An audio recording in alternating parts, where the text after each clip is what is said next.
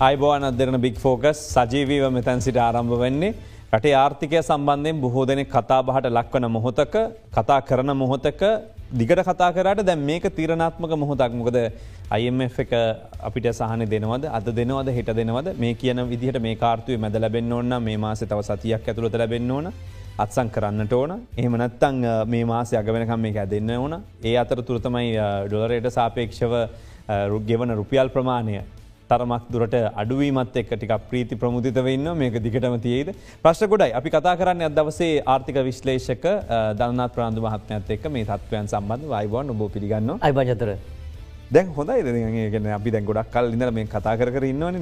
නියන් overall පික්ෂක ගත්තයන් පස්සේ. මොකද හිතෙන් නියන් මේ එකනොමික දිය බලන්නකොට මගේ දැකීම හටිරන චතුර විශේෂ වෙනසක් නැහැ වෙනසක් නෑ කියලා කියන්නේ ඒ ක්‍රියාපටිපාට යන සමහර පියවරවල් හෙමින් යනවා දැන් මහිතන අද උදෑසන බ්ලූම්බර්ග් වල වාර්තා කල තිබ චීනය යම් කිසි ධනාත්මක පිළිතුරක් සපේල තියෙනවා කියලා අන්තර්ජාතික මුල්ලර මුදල සම්බන්ධ ඉතින් දැ මේ ක්‍රියා පටිපාටයර පියවරෙන් පියවර හෙමින් යන්න. මුලින් අන්තර්ජාතික මුල්ලර මුදලේ සහයෝගේ ලබාගන්න ඕනේ.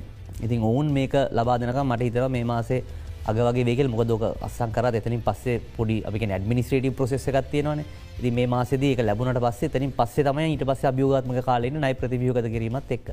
දැන් ආර්ථිකය ගැන කතා කරන්න බොහෝ දෙනෙ ඔබ වැනි අය දිගටම කියපු දෙයක් තමයි මේ සම්බන්ධෙන් ආර්ථිකය ප්‍රතිසන්ධාන වෙන්න ප්‍රතිසංස්කරනයට ලක් වෙන්න රාජාතන ප්‍රතිසංස්කන ලක් වෙන ඔබ කියනවා තාමත් ලොක ප්‍රගතියක් නෑ කියලා ලොක ප්‍රගතියක් නැත්තේ මොකද එම රාජ්‍යාතන ගණන ප්‍රතිවිහගත කරල තියෙනවා. තමන්ගේ බෙන්කරපු බචට් එකෙන් අයව ඇස්තමේන්තුවලින් සම්පූර්ණම සියයට පහලවක් දහයක් අත ප්‍රමාණය කපල තියෙනවා. මේක ධනාත්මක ප්‍රගතියක් විද දකින්න බැයිද. ඒක බලන විදිියනු චතර මට පේනෑ ධනාත්මක ප්‍රගතියක් විදින මොද රාජ්‍ය ආයතන ප්‍රතිවියෝකත කිරීම කෙනෙකින් ම අදහස් කරන්න ඇත්තටම මේක දීර්ඝ කාලීනම කරන යම්කිසි ප්‍රතිසංවිධානාත්මක කටයුත්තක්. ඉතින් රජයට අයිති ආයතන ගත්තොත්තේම ඔක කොටස් කිහිප ඇතිරන එකත්තම රජයට ඇති ව්‍යාපාරතියනවා ඒවනම් ම නිතරම කියනට සමහරය අපට පුද්ගලි කරණය කරන්න සමහරව රජයසා පෞද්ගලිකංශයකට ඒ බද්ධල කරන්නවා. ඉතින් දැනටකට කමිටුවක් පත් කල්ලා තියෙනවා. ඒ කමිටුවෙන් තාම අපි දුටුවේ නැහැ. මොකක්ද ඒ සම්බන්ධය ප්‍රතිවිහුගත කරන ඉදිරි සැලස්ම කියලා. ඊට අමතරව ඉතින් වෙන ආර්ථික ප්‍රතිසංස් කරන විශාල වශයෙන් සිදුවච්ච බක් පේන දැන් ගොඩක් දෙ පටලගන්න විදුරි බිල වැඩිකිරීම ආර්ථික ප්‍රතිසංස් කරනය. ඒවගේ දේව ඒ වැවිල්ල ප්‍රතිසංස් කරන මේ වැවිල්ල මිල ඉහල පහලය නමුත් ප්‍රතිසංස් කරන කියලා කියන්නේ මේක වෙළඳ පොලක් ක්‍රියාත්මකවීමට අවශ්‍ය පසුබිම සකස් කිරීමිතින් ඒ සම්බන්ධයෙන් මම තාම දකින්න ඒකයි මම ඒටිකක් ඒකරියක් හෙමින් යන ක්‍රියාපටිපාටයක් විදිර දකින්න. දැ මේකේ අවිල තින යෝජනාව එකක් තමයි කැනෙ රජය යම් කිසි වියදමක් දරන්නවනං එක ප්‍රතිපූර්ණය කරගන්න අදාළ සේවාව සැපීමෙන් කියනක.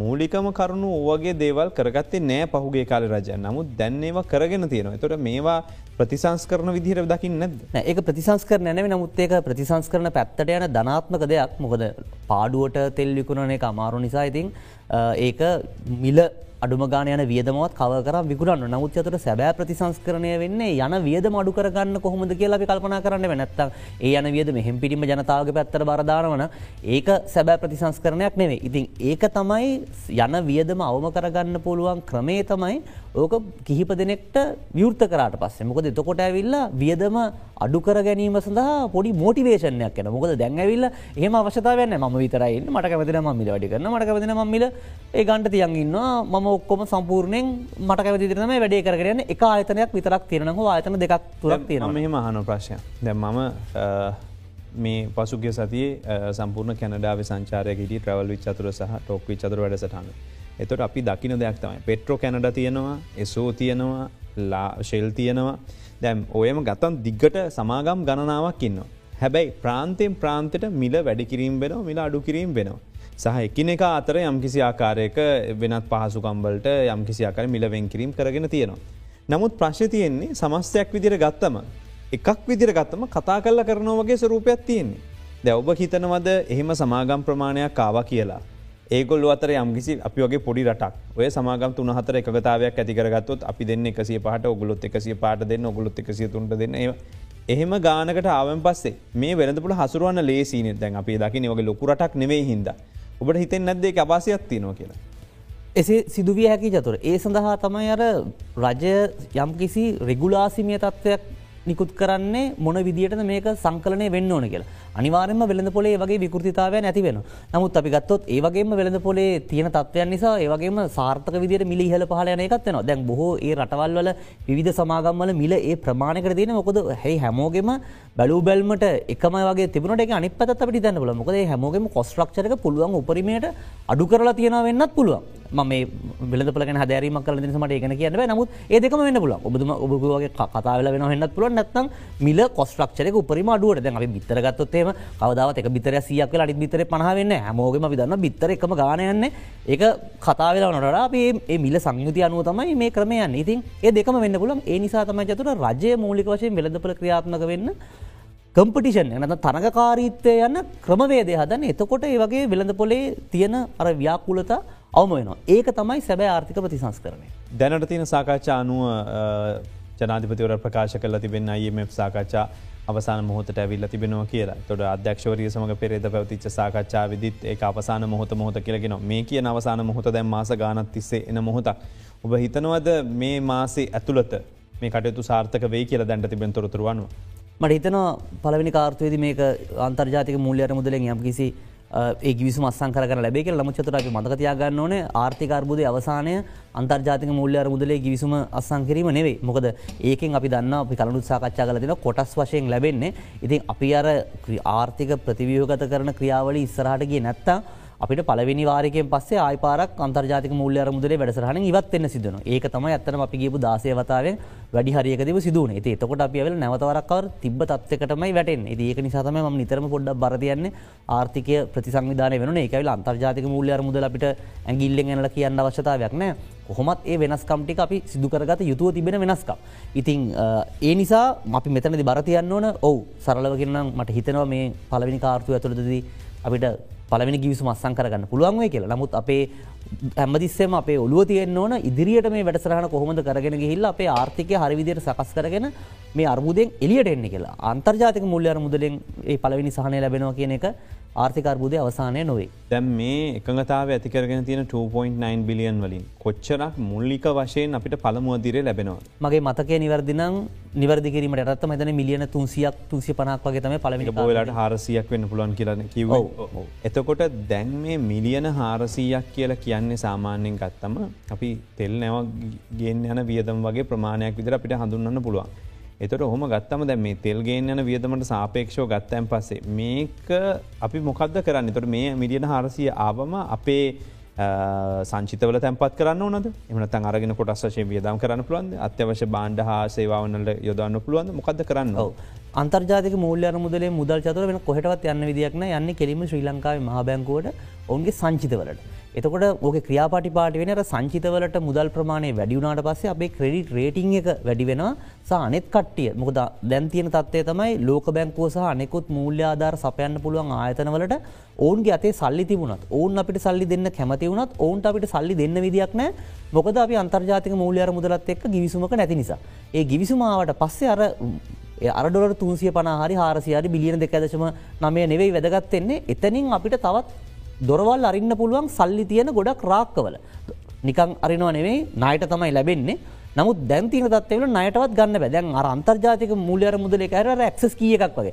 ඒදොර ඇරියට පස තවත් ලාච්චු ගොඩක් තියෙන හැමේකේම දොරවල් ඇරල අපිට අපිගෙන ෆන්ඩිංවල ටප් කරන්න පුළුව. ඉතින් ඒක තමයි අපි කරන්න හදන උපාය මාර්ගය ඉතින් අපි අරන්තර්ජාතික මුල්ලර මුදර මුදල් යන්නේ අනිවාරම සංචිතවලට ශ්‍රී ලංකා මහබැංකු එක ආනයනය කරන්නේ වගේ දේවල් කරන්න බෑ. නමුත් අපිට ඒ සඳහා අර විශ්වාසයනවත් එක් අපනයන කරුවන් ඩොල රන්ගෙනවා ආනය කරුවන් එතකොට ආනය කරන්න පුළුවන්. ඒ අනුව තමයි ආර්ථිකය නැවත සක්‍රීවීම අප මතක නොකළ යුතු කාරණයක් තමයි අපිට චීන පහසුකමක් යටතේ සංචිතවලට දීලතින මුදල.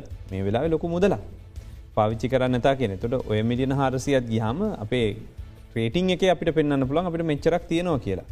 ඉති ඒක පිළිගන්නවද සැබවට මෙතාර්ථයක් විදිර ලෝක අනෙකුත් ආයතන සහ අපිට නය දෙනවනම් වල් බෑංක එක හරි එමනත්තන් ඒෂන් ඩිවලපන් බෑංක කාරි කවරුහරම් පිළිගනී. ඕජත දැන් අපි කැමති වුණත් අකමැතිනත් ලෝකයේ ආර්ථික ආකිටෙක්ෂර එක නැත්තම එක සැකසුම තියෙන්නේ ඔය අන්තර්ජාතික මූල්‍ය අර මුදල හරහා යන විදියට. ඒකට විවේචන සහ සමහරුවකට කැමති සමහරු කැමති නෑ.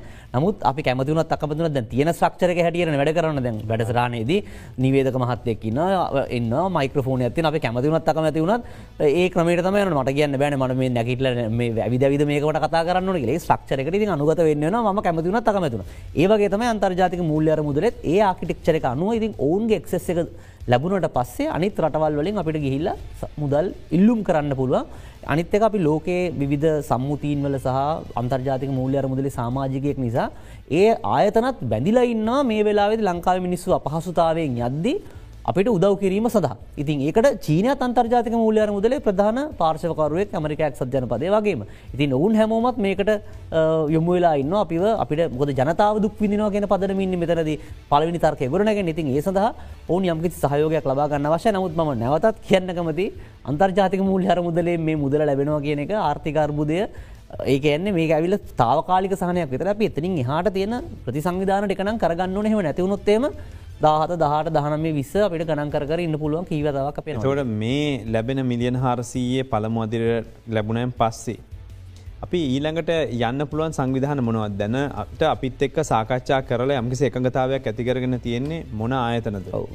ලෝක බැංකෝ තියන ආසියන සංවර්ධන බැංකෝ තියන මගේ මතක නිවැරදින ඔය අන්තර්ජාතික මූල්‍ය අරමුදල සමඟ ශ්‍රී ලංකාව සාකච්ඡා කිරීම සදා ගෝටාබේ රජපක්ෂ ජනාධපතිතුමයින්න කාල පත් කරපු ආචරින්ද ජිත් කුමාරස්වාමි ඩොක්ට ශාන්තන් දේවරාජන්සා මගතන ශාමිනී කුරේ මහත්මයගේ සාකච්ඡාවකද ඩොක්ට ශාන්තන් දේවරාජන්කව ලෝක බැංකුව බිලියන පහක වගේ මුදලක් අපිට ස්පර්ශ කරන්න පුළුවන් අන්තර්ජාතික මූල්‍යර මුදලෙන් මේක ලැබුණට පස්සෙ කියලා. ඊට පස්ස මහිතනේ වගේ 5 බිලියන් ඩොල 5 බිලියන් ඩොලස් ඒ එක පාරල වෙන්න නමුත් ලෝක බැංකුව වගේ නිකං සල්ලි දෙන්න මොහර ව්‍යාපෘතිසාහ ඒවගේ දේවලටම මුදල් ලබාදෙන් ඊට අමතර මේ මෑතක දෙව ලබුණ ඉන්ට්‍රේෂන ෆයිනන්ශල් කෝපරේෂන් එක මිලියන හාරසිය.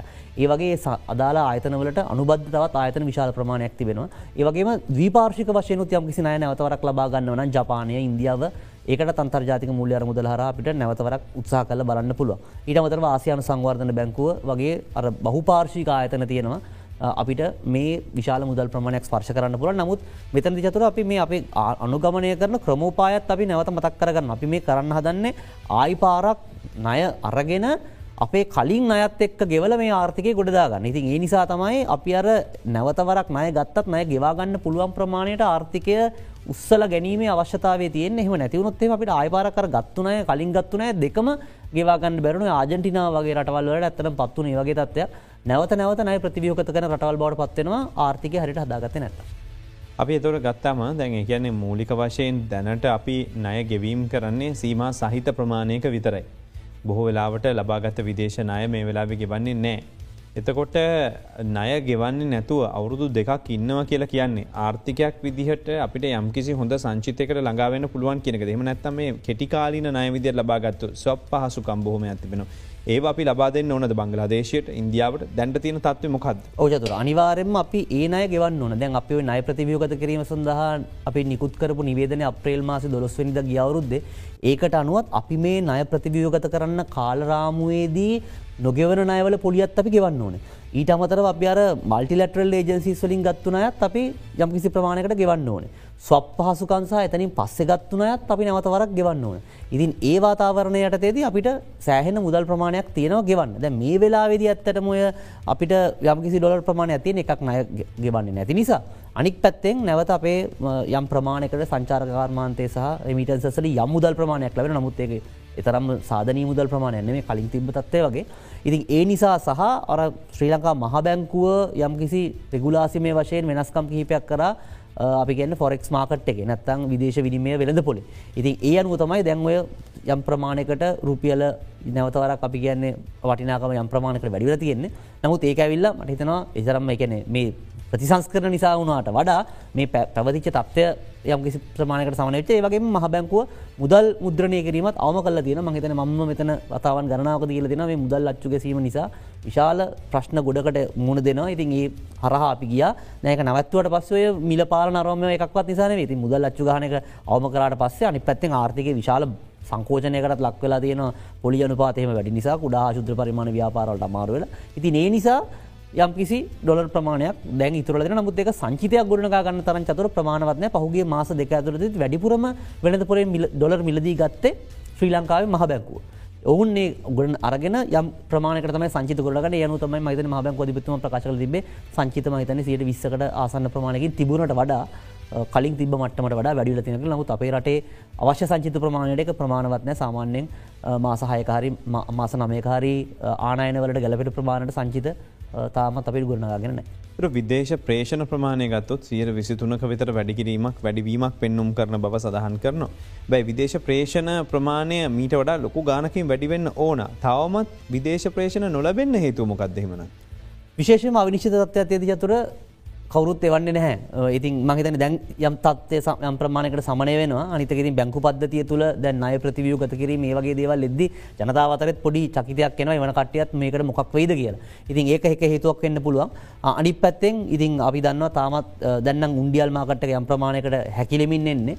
නමුත් තාමත් අර විලඳපොලේ විශ්වාසයෙන් නැතිතා කල් අපි හිතන තරම් ඉක්මට මේ ක්‍රමේ සක්‍රියවෙන්න ඒක ආර්ථික අර්බුදයකට ගියාට පසේ අපි හිතුවට මේක පටස් ගාලවේ කියල හෙම වෙන්න නෑ මේක බොම හෙමින් හෙමින් තමයි හෙමින් හෙමින් හැරන ලොරියක් වගේ තමයි මේක හෙමින් හෙමින් හරන්නවන හරිපත්ත හරගත්ත නැත්තා ආය පරක් ලොරිය පෙල්ලන එක තමයි වෙන් දැන් අපි ගියෝතින් හදිසියක්කත් පහුගේ දස ලෙබනු ලති විච්චතත්තර ග්‍රීසිීති විච්චතත්වට සහ ආජන්ටිනාවේ මේ රනිකුත් රටවල් ගත්තම තියෙන තත්ත්වයන් ගත්තැන් පස්සේ ගොඩක් වෙලාවට මේකේ යම් කිසි මේ හසුරෝගන්න බෑ හසුරුවන්න අමාරුවී කියන තත්ත්ව ඇත්තැ පෙන්නුම් කරන්නේ. පෙරටේ ආර්ථිකය කුඩ ආර්ථිකයක් හින්දද නැත්තම් රට පොඩි හින්දද කියන එක ප්‍රශ්නයක්. කෙසේ වෙතත් දැන් අපි හිතුවට වඩා වේගෙන් මේක අනි පත් හැර වනව වගේ පෙන්නුම් කන ඔබ හිතනවා දෙම හැර වෙනවා කියලා. ප්‍රතිසංස්කර අනුවන චතුර මංහිතන්න හැරවෙනවා කියලා. මේක අභියෝගාත්මක තත්වයෙන්නේ නය ප්‍රතිවියෝගත කිරීම කරද්දි. ම මේක කලිනුත් එක තැනකද ප්‍රකාශ කර. ද තියෙන තත්ත්වය අනුව අපි හිතුවොත් එහෙම අපි නය හිමියන්ගේ අපේ ගැන බයිලටල් ක්‍රඩිටර්ස් ලගේ මල්ටිලටල් ක්‍රඩිටර්ස් ලගේ අපි හිතුවොත් එහ බොන්ඩ හෝල්ඩර්ස් ලගේ අපි බොන්ඩ හෝල්ඩර්ස් ලගේ බයිලටල් ක්‍රඩිටර්ස් ලගේ නයවලින් සියට පණහක් කපල මල්ටිලටල් ඒජන්සිස්සල සියට විසිපහක් නය කැපුවත් අපේ ඩෙට්ටු GDP රේෂය එක අවුරුදු දහයකින් එන්න නැත්තන් අය සහ අපේ ආර්ථිකය අතර පරතරය එන්නේ සාමාන්‍යයෙන් මේ තියෙන මට්ටමේම වෙළඳපොල තිබුණුත්තේම සියට එකසිය තිහකට අන්තර්ජාතික මූල්‍යර මුදල අපේක්ෂා කරන්නේ සියට අසුවකට තියන්න කියලා. අපි අවම අපි ඒ වගේම සියට පණහක් නය කපලා අප බොන්ඩෝල්ඩස් ලගෙන් සියට විසිපහක් බයිලටල් කඩිටස් ලගේ මල්ටිලට කඩිටස් ලගෙනය කපලා තවත් අවුරදු දහයක මැචිරුට එක්ස්ටේෂන් එකක් ගත්තොත්තේම ඒත් අපේ ණය එන්නේ සියට එකසි එකකට මේ ඩොක්ට ශාන්ත දේවරාජන් සහ වෙට රීස චාතනය කරපු පරිශණ පත්‍රිකාව කනුව ම මේ දත සඳහන් කර. ඉති එතකොට ඒත් අපේ එන්න ඕන සියට අසුවට. ඉති එතකොට අපිට යන්න වෙන්න මේක අල්ලන්න වෙන්න පොඩ්ඩක් අපේ බාසාාවෙන් කියනවනම් දේශය නය ප්‍රතිවියෝගත කිරීම පැත්තකට ඉතින් අන්නේ දේශයනය ප්‍රතිවියෝගත කිරීමත් එකතම ලෙබනය වගේ රටවල්වල යම් කිසි තත්වයක් ඇතුන එක හරිට කරගන්න බැරි වුණාම්.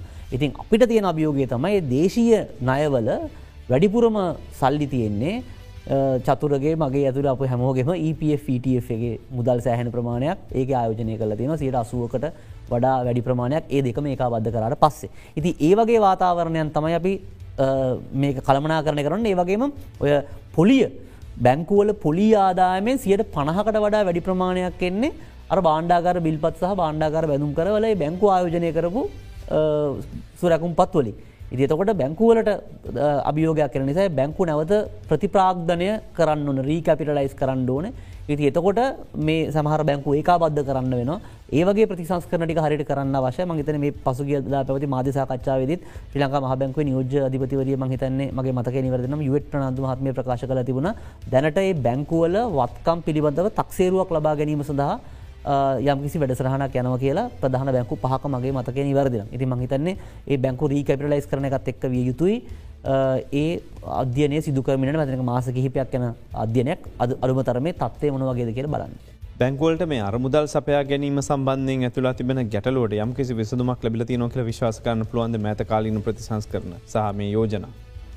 යම් ප්‍රමාණයකට නමුත් චතුරේක සෑහෙන හෙමින් වෙන්න වැඩිවෙලා තියෙන පොලි අනුපාතික සහ විශේෂයෙන්ම කෝවිත් අත්තයටතේ බැංකුවලින් ලබාදුන්න අරපොරි මොරටෝරියම් එකක් දැන්ගේ ඇත්තරම ගවන්න කාලේ උදාවමින් යන්න බොහෝ ඒ අයගත්තු කට්ටියට. ඉතින් ඒ අනුව තමයි මංහිතන්නේ ශ්‍රී ලංකා මහබැංකුව තවත් ප්‍රකාශ කල තිබේ කුඩා හා මධ්‍ය පරිමාණ ව්‍යාපාරිකයන්ගේ නැවත නය නැවතවරක් අපි ගැන රීෆයිනන්ස් කරන නැත්ත නැවත නය ප්‍රතිවියෝගත කරන්න කලේ කුඩා ශුද්‍ර පරිමාණ ව්‍යාපාරිකයන්ගේ පුද්ගලික නයගත්තු කට්ටියගෙත් ඔවුන්ට ගෙවීමේ ධාරිතාව නැත්තන් අනි පැත්තෙන් බදුමිද බදුබර සෑහන වැඩිල තියෙන නැවත ප්‍රති සංවිධානය කරන්න කියලා මහිතන මේ අපි කියෙන නන් පෆෝමිං ලෝන් රේෂයකම නැවතවරක් යමකිසි ස්ථාවර තත්වයකට ගන්න වියතුයි ඒ කල්ල තින. ති එක යම්කිසි ධනාත්මක තත්වයක්. නමු ධනාත්මක තත්වයක් කියලගෙන අපි මෙතන ධනාත්මක බලන්න ඕනේ. මොනවහනවාරි පොඩි දෙයක් කල්ල ජනතාවට සානය දෙනට වඩා මේක දීර්ඝ කාලීනව හරි ආකෘතියට දාගන්න කොහොමද කියෙන එකයි අපි බලන්නුවන. අපි අද සාකච්ඡාව සිදු කරමින් පවතින්න මේ පවතින ආර්ථික තත්ත්වයන් සම්බන්ධව බොහෝදිනෙක් විමසිරිමත්වනවා ගොඩක් සංවේදී මේ වෙළඳ පොළවල් සම්බන්ධයෙන් අපි ආර්ථික විශ්ලේෂක දන්නත් ප්‍රන්ධ මහත්මයන්ත එක්කයි මේ සාකච්ඡාව කන කෙටිවිරාමකට යොමු වෙලා එන්නම්. මේ අධ්‍යරණ බික් ෆෝකස්.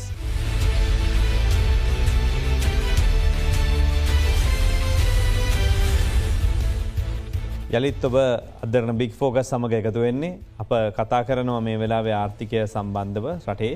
විශේෂම මේ සාකච්ඡාවේ අරමුණ වෙන්නේ මේ වෙලාවේ ඔබ දන්නඇති සාමාන්‍ය ජනතාවිතර බලාපොරොත් වන දේවල් දැන කියා ගැනීම. දැ මොකක්ද වෙන්න ඊළඟට යන්න කියල දේශපාලක්ඥ බෝධන කානව බලන්නෝ දේකට යම් කිසි උත්තර අධ්‍යනක තම පිත්ත කාර්තික විශ්ලේෂක දන්න ප්‍රන්ධ මහත්මයකතු වෙලාඉන්නේ අපි මේ සාකච්ඡාවේදී දැංකිවතට IMF ලැබෙයිද නැද්ද? තුර ගියෝතින් මොනාද වෙන්න? සහ දැම වෙලා ලැබෙන තින මුදල සම්බන්ධව. ද ඊලක ප්‍රශ්ය තමයි දැන් මේ විදිහට IMF එකෙන් යම්කිසි මුදලක් ලැබීම. තොරවල් බැංක එකෙන් සානිකුත් සංවිධානය යම්කිසි මුදලක් ලැබීම. ඒකත් එක්ක අපිට බලාපොරොත්තුවක් එන මදේ කියන්නේ මං කියන දැම ජනතාව අහන්නේ හරි. ඒනම් දැන් ආපවර පරණ තත්වට අපිට යන්න පුළුවන් වේ. ආනයන ටික සිදු කරන්න පුළුවන් වේ. ඒවගේ ලිහිල් කිරීමක් වෙයිද යන විදිහට? යම් කිසි සානයක් ලැබේ චතුරේ. ගැන්නේ ජනතා බලාපොරොත්තු හොඳනෑ සල්ලි මේ ගෙනල් අපිට මේ වැඩිපුර කියක් කර එහෙමදේ කියලා. නමුත් අර තිබ්බ ආනයන යම් කිසි ප්‍රමාණයකට අත්‍යවශ්‍ය ද්‍රව්‍ය ගෙන්න්නා ගැනීමේ හැකියාව සහ ව්‍යාපාර ක්ෂේත්‍රය නැවත යම් කිසි ප්‍රමාණයකට සක්‍රියවීම කොටස් වෙළඳ පොල යම් කිසි ප්‍රමාණයකට සක්‍රියවීම වගේ දේවල් සිදුවෙන්න පුළුවන්. අන්තර්ජාතික මූල්‍ය අර මුදල පැමිණෙනවත් එක් මෙතන සාමාන්‍ය හැම පාරමකත් වෙන්න ඕකතම අපි හිරවිච්චකම අන්තර්ජාතික මූල්‍ය අර මුදලට ගියාම. නමුත් මෙතන මේ සුවිශේෂී තත්ත්වයක් තියෙන අපි ණයගෙවා ගන්න බැරි තත්ත්වයට පත්වෙච්ච නිසා තමයි මේ පොඩි අමතර ටිකක් සංකීර්ණ ක්‍රියා පටිපාටියකට ගිහිල්ලෙන්නේ ඉතින් ජනතාවට යම් කිසි සහනයක් තිබ්බට වඩාර අපි ගැන බාණ්ඩ වල නැවත වෙලද පොලේ බාණ්ඩ දැන් නැතිවෙලා තියෙනවන.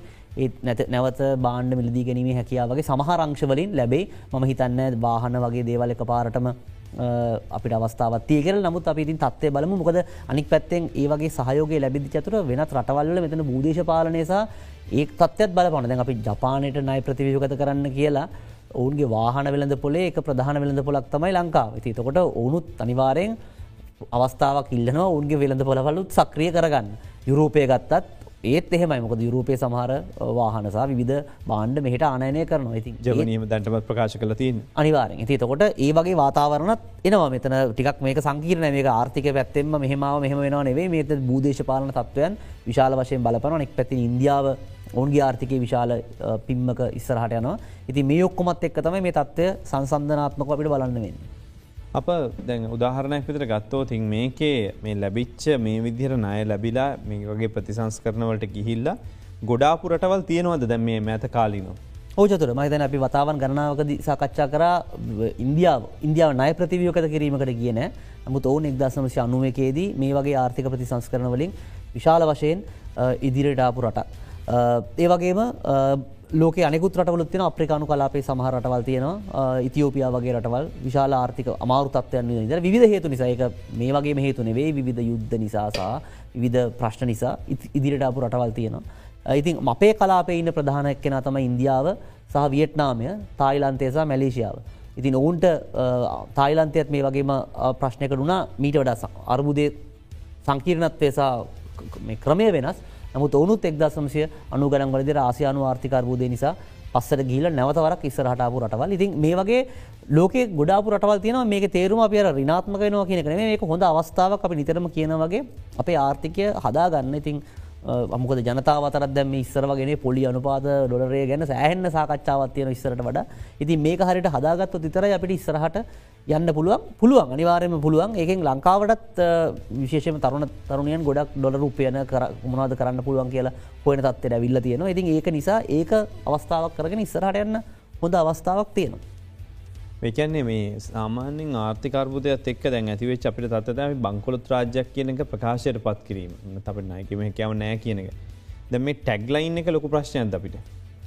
ප්‍රශ්නයක් තමයි චතුර. ඉතින් ඒ ඇවිල් අපි ප්‍රකාශයට පත් කරත් නොකරත් මන්දක සමහර දෙන හිතන මේ ප්‍රකාශයට පත් කරප තම ප්‍රශ්න. මේ ප්‍රකාශ නොකරටන ප්‍රශ්නය කියලා. නමුත් චතුර දැන් ලෝකෙම දන්නවන අපිට නයගවන්න සල්ලි නැහැ කියලා. ඒ ඇවිල්ල මහිතනක ප්‍රකාශ කිරීමට අවුදු ගානකට කලින් මහිතන මාධ්‍යවලත් වාර්තා කර. අර ඩිනල්ලිස් නොට ස්ටටජි කියලා මට මතකද ෆිච් රේටිං ආයතන එකක් දැම්ම.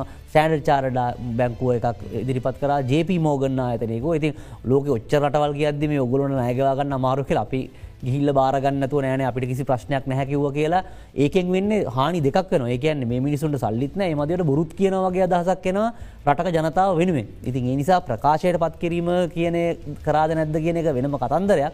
නමුත් ඉතින් අපි හැමෝම දන්නවනේ ඒක රටේ ජනතාවට පස්සේ සෑහන ප්‍රශ්න ගනාව තිබුණ ඩොර නැති නිසා. ඉතින් ඒ නිසා ඒක කිව්වද නැද්ද කියන එකට වඩා වැදගත්වෙන්නේ මෙතනින් ඉස්සරහට අපි මොනවද කරන්න කියන එක. ඉතින් බංකොලොත්වීම ප්‍රකාශයට පත්කිරීම හෝ නොකිරීම කියන සාධකය මංහිතන් අපි බලන්න ඕන දවිතීකව ආර්ථික ඉස්සරහට ගන්න එක තමයි අපි ඉස්සරහට ඉදිරිපත් කරන්න හෙමුණොත්තම අපිට ආර්ථිකය ගැන තරමක් ධනාත්මක පින්තූරයක් මවන්න පුළුවන් අපි මේ ප්‍රතිසංස් කරන ක්‍රියාවලිය වෙනුවෙන් යම් කිසි සුභවාදී සහ විවෘත්ත මනසකින් අපි මේකට එනවා කියලා. එහෙම නැතුව අපි බංකොලොත් භාවය ගැන විතරක් හිතන්න ගත්තොත් එහෙම අපිට මේ තියෙන තත්ත්වයෙන් ඉස්සරහට එන්න බැරි තත්ත්වයක් තමයි උදාවෙන්නේ ඒ අපි අවම කර ගැනීමතම අපි කරන්න ඕන.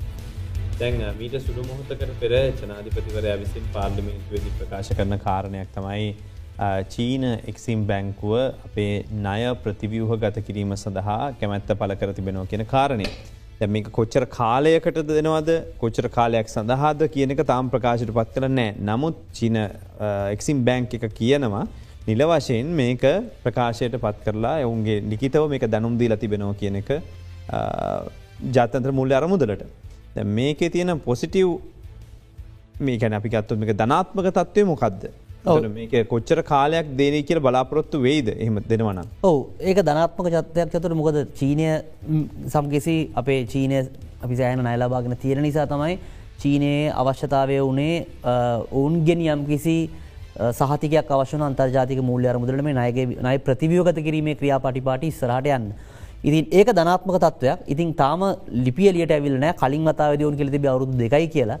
මහිතන ශ්‍රී ලංකා රජය මගේ දැන හටියට ඉල්ල තිබ අවරුදු දහයක වගේ ප්‍රමාණයක් අපි කියන්නේ අන්තර්ජාතික මූල්‍ය අර මුදලට ඔවුන් දෙන්න ඕන කරන ඕනම නය ප්‍රතිවියෝගත කිරීමක් සම්බන්ධ එකඟ වෙන්න ඕන කියලා. ඉතින් මෙතන තියෙන මහිතන බූදේශ පාලන තත්ත්වයක් එක්ක චීනය යම්කිසි ධනාත්මක විදිර නැත්තම් අනිත් රටවල් වලට වඩා යම්කිසි සුවිශේෂී තත්වයක් අපිට උදාකරාද කියන අපිට බලන්න වෙන්න. ඇතරම ලිපිය එලියටාවට පස්සේ ඔවුන්ටත් අභියෝගයක් තියෙන එක පැත්තකින්. මොකද ලෝක අනෙක් රටවලුත් චීනයෙන් විශාල වශයෙන් අයාරගෙන තියෙන නිසා ඔවුන්ටත් මේ වගේ සහනයක් දෙන්නවනත් ඕල් ලොක අමාරුවකටනවා නමුත් මේ අවස්ථාවද තියෙන බූදේශපාලන තත්ත්වත් එක්ක චීනයට අපි අමතක කරලා යන්න හැකියාවකුත් නැහැ.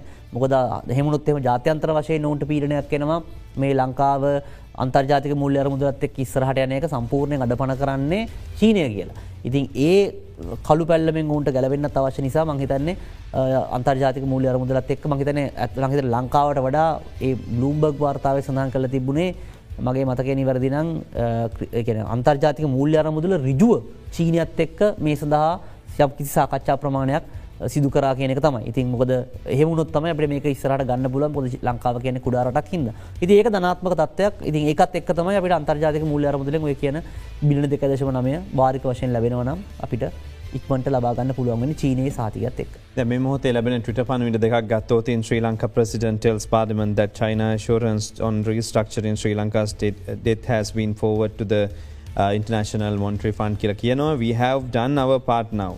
We hope IMF will now do their part by uh, third or fourth week of this month. වාර්තා කළ තියෙන්නේ මේ විදිහටයි මේක මේ වෙලා අපිට පණවිඩයක් ඒකැන් අපි බලාපොරොත්තුවක් තියාගන්න පුළුවන් අපිට මේ මාස ඇතුළත මේ කටයුතු සිද්ධ වෙනෝ කියනක මේක ඊළඟ කොටස විදිහට කියනවා President and the Governor of the Central Bank has signed the uh, letter of intent and uh, uh, send the IMF last night කියලලාද මේකේ මේ කියන කතාව එකැන විශේෂම IMF එකට මේ ලියවම ඇරීම තුළ එමනත්තම් මේක ලංකාවේ මේ විදිර ලියුමක් යැවීම තුළ. තුර ඊළඟ අධියර මොකක්ද. ඊල අධීර තමයි චතුර අන්තර්ජාතික මුල්ලයන මුදල ඔය ලිපි ඉල්ලන්නේ හැම ප්‍රධාන දීපාර්ශික රටකින්ම. චීනය සහ ඉන්දියාවෙන් විශේෂය මිල්ලන්නේ මොකද ඔන්නට පැරිස් සමුලේ සමාජිකයන් නොන නිසා. පැරිස් සමුළුව ඉන්න රටවල් ඔක්කෝම කලිවුමක් ලබා දුන්න. එහෙම නැති ප්‍රධාන රටවල් වලින් තමයි චීනය සහ ඉන්දියාවෙන්ගේ ලිපිය ඉල්ලන්න. ඒක දුනට පස් ඔතනින් ඔය ලිපියර ඉන්දියාව ලියපු ලිපියේ ඔවන් බොහොම මහිතන ලිපිය අන්තර්ජාතික මූල්‍යර මුදල අර ෆෝමට් එකටම ලියල තියෙනවා.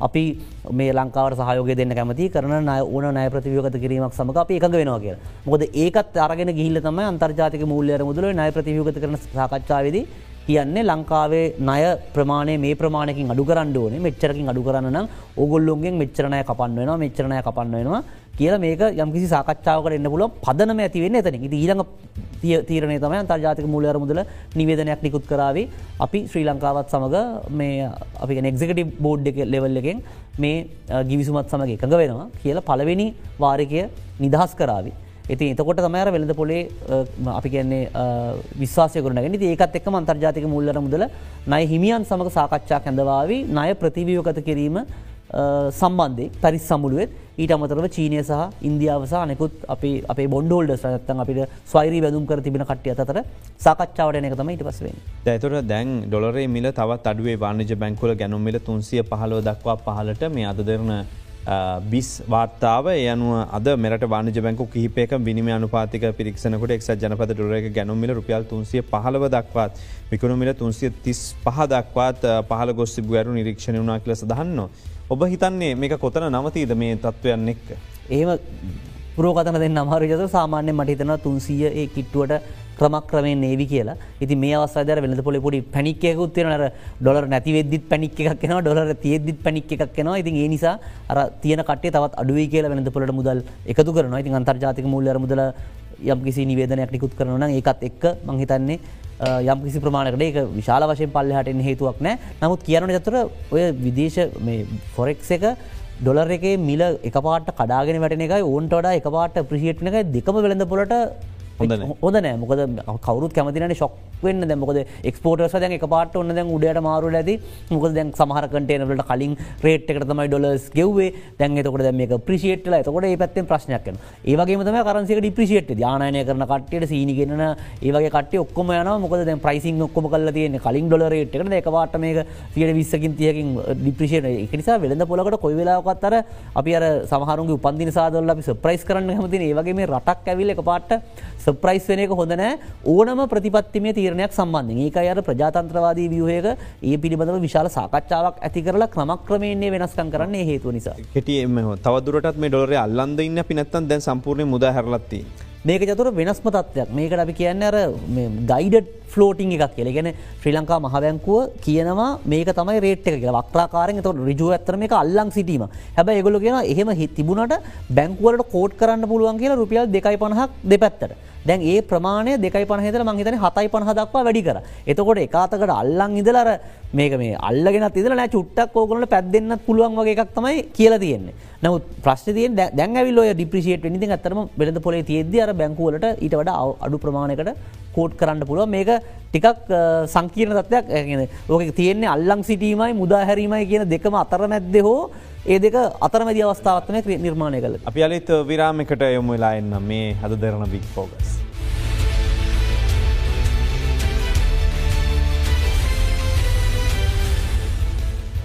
අප ආර්ථික විශ්ලේෂක දන්නත් ප්‍රාන්ධ මහත්මය සමඟ මේ සාකච්ඡාව සිදු කරමින් ඉන්නේ.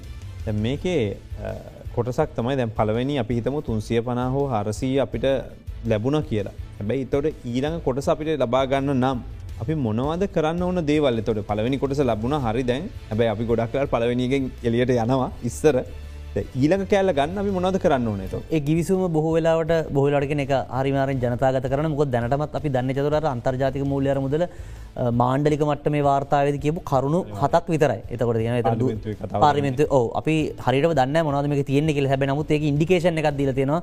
දූෂණ වංචා සම්බන්ධව යම් කිසි නීතිම තත්යක් නොන ශ්‍රී ලංකා මහ බැංකෝ ස්වාධීන කරන්න බදු ආගෙන ආනයන අසමාමන්න ආදායමසා වියද මතර පරතර යම් කිසි ප්‍රමාණයට අඩු කරගන්න ඕන.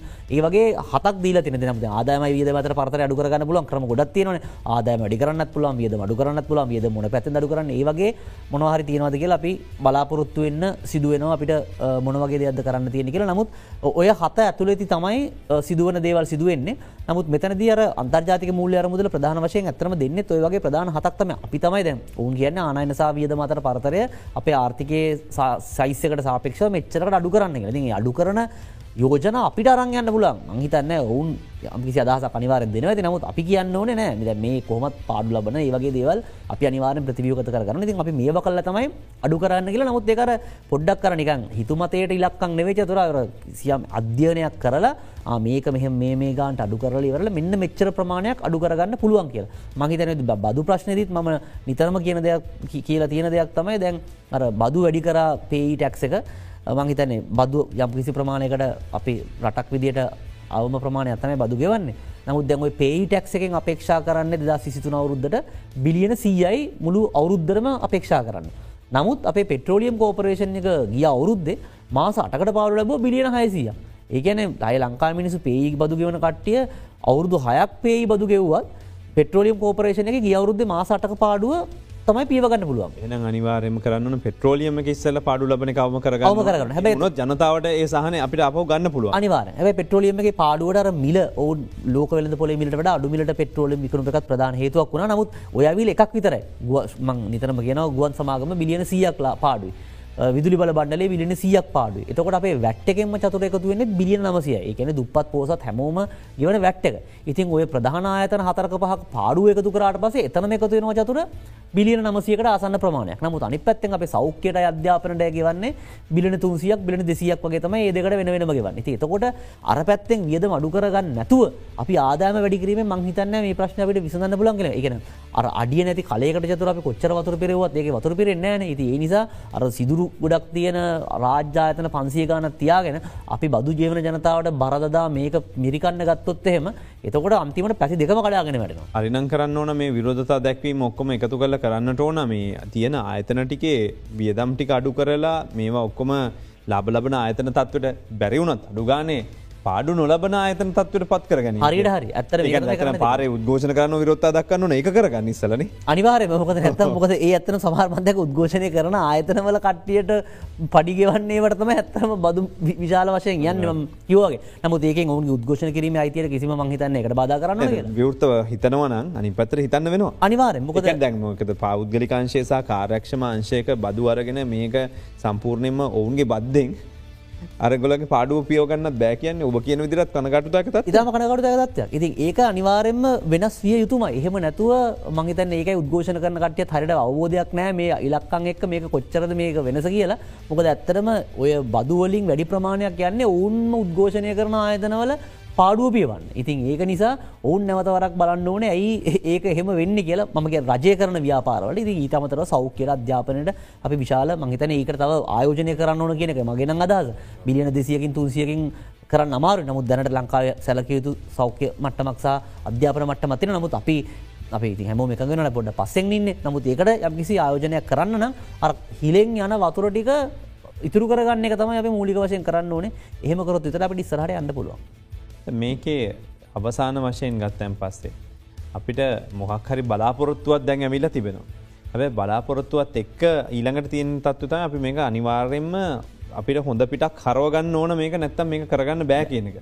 හැබැයි එහෙම කියනකොට ජනතාවගේ විශ්වාසය තියෙන් ඕන පොලිටිකල් ස්ටබිලිටියක තියෙන් ඕන රටක් වුණාම් තොට දැන් IMF එක යෝජනාව අතර තියෙනවද මේ චන්දය තියන්න ඕන කියන කාරය මන්දන පාලිමේ දුරිදිපත් කලත්න මුකුත් නෑ. චන්දකට යන්න ඕන ගොලන්ගේ මැන්ඩේට් එක බලන්න ඕන ජන වරමත්ති නොතික බලන්න ඕන කියන එක තියෙනවා යෝජනාවද මගේ අවබෝධ හැටියරන්න නැචතර මොකද ඒ වගේ සාමාන්‍ය ජාත්‍යන්තර ආයතන කොවෙලාකවත් ඒ රටේ අභ්‍යන්තර දේශපාලනය සම්බන්ධව ඇගිලි ගැසීමක් සිදුවෙන්න මම විශ්වාස කරන දේ තමයි ඕනම රටක අර ප්‍රජාතන්ත්‍රවාදී ක්‍රමය අනුව යන්න ඕන. ජතට මොකද අපි ඒක ඒක මගාරන්න ගත්තොත් එහෙම ඊට වඩා වැඩි ප්‍රශ්නයක් ඇතිවෙන ඇත්තර මොක මටත් වඩා හොඳට ම කරපු සපි කරපු සාකච්ඡාවකදී ආචාර චරිත හේරත් මහත්මය ප්‍රකාශ කර.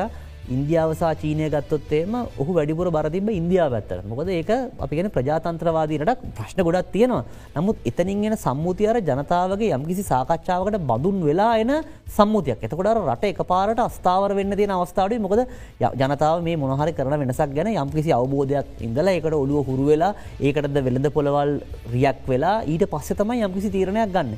නමුත් අර එක පාට්ට මෙහෙම නැතුව රිජුවම අප එක පාට හිතුමතයට තනි තීරණයක් ගනිද්දි මේ වෙළඳ පොරල් ඔක්කෝම සම්පූර්ණය උඩට මාරුවෙන ඉතින් නිසා මහිතන ප්‍රජාතන්ත්‍රවාදී ක්‍රම ඇතුරෙන මහිතන්න චන්ද තියන්න හෝ තියන්න එපා හෝ කියලා අන්තර්ජාතික මුල්ලර මුදර කොවෙලා පත්දින කියලා අනික් පැතිමතන චන්දරයන වියදම ඉතාවත් අපේ කියන අපේ ඉන්ට්‍රස්ට්‍රේට් එක අපි පොලිය විදිර ගෙන ට්‍රිලියන ගානක මුදලක්. ඉතින් මේක සුල් මුදලක්. නමුත් මගේ න අදාසිතින් ඒ ප්‍රජාතන්ත්‍රවාදී ක්‍රමයෙන් අපි මුදා යන්න හොදන ගොද අපි ප්‍රජාතන්ත්‍රවාදයයි වෙළඳ පොල ක්‍රියාත්මක වීම දෙකම එකට යන මොකද ප්‍රජාතන්ත්‍රවාද නැතු වෙළඳ පොල ක්‍රියාත්ම කරන්න ගත්තොත්තේ සමහලට ප්‍රජාතන්ත්‍රවාදය වෙළඳ පොල දෙකම බිඳවටන්න පුළුව අපි මේ සාකච්ඡාව අද සිදු කරේ මේ වෙලා තියන තත්වය සම්බන්ධ විමසන්න ආර්ථිකය ඒ ආර්ථික විශ්ලේෂක දන්න ප්‍රාධ මහත්මය සමඟ බිහිම සූතිී සම්බඳධන බමසි චතර අපි වැඩසටහන අවසන් කරනවා. මේ අද දෙරන බිග් ෆෝකස්.